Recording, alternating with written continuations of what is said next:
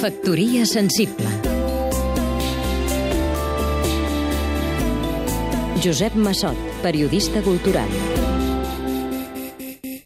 Han passat ja quatre mesos des de la seva estrena i la gran bellesa de Sorrentino segueix abassegant elogis. Allà on hi vagis, a la perruqueria, restaurants, a qualsevol tipus de reunions, algú acaba traient com a tema de conversa la pel·lícula i l'actuació de Toni Servillo. Ara, i ja em perdonaran si estan fart de sentir parlar del film, ho faig jo. I ho faig perquè vull destacar dues conclusions. Una, desmentir els set ciències del màrqueting que menyspreen el gust del públic i sostinen a apostar per novel·les o pel·lícules de baixa estofa. Sorrentino demostra que quan s'ofereix qualitat i innovació es troba entusiasme. La segona, que hi ha massa creadors que s'escuden a la suposada beneiteria del públic per justificar l'escassa acceptació de les seves propostes.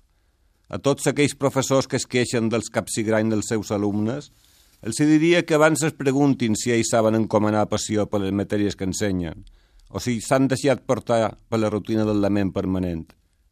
I tornant a la pel·lícula de Sorrentino, una cosa més.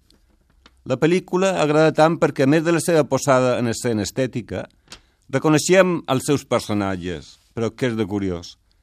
La sàtira de la impostura social o del món de l'art, la manca d'ètica, ah, aquí ningú s'hi veu reflectit. Són els romans, no nosaltres. Factoria sensible Seguim-nos també a catradio.cat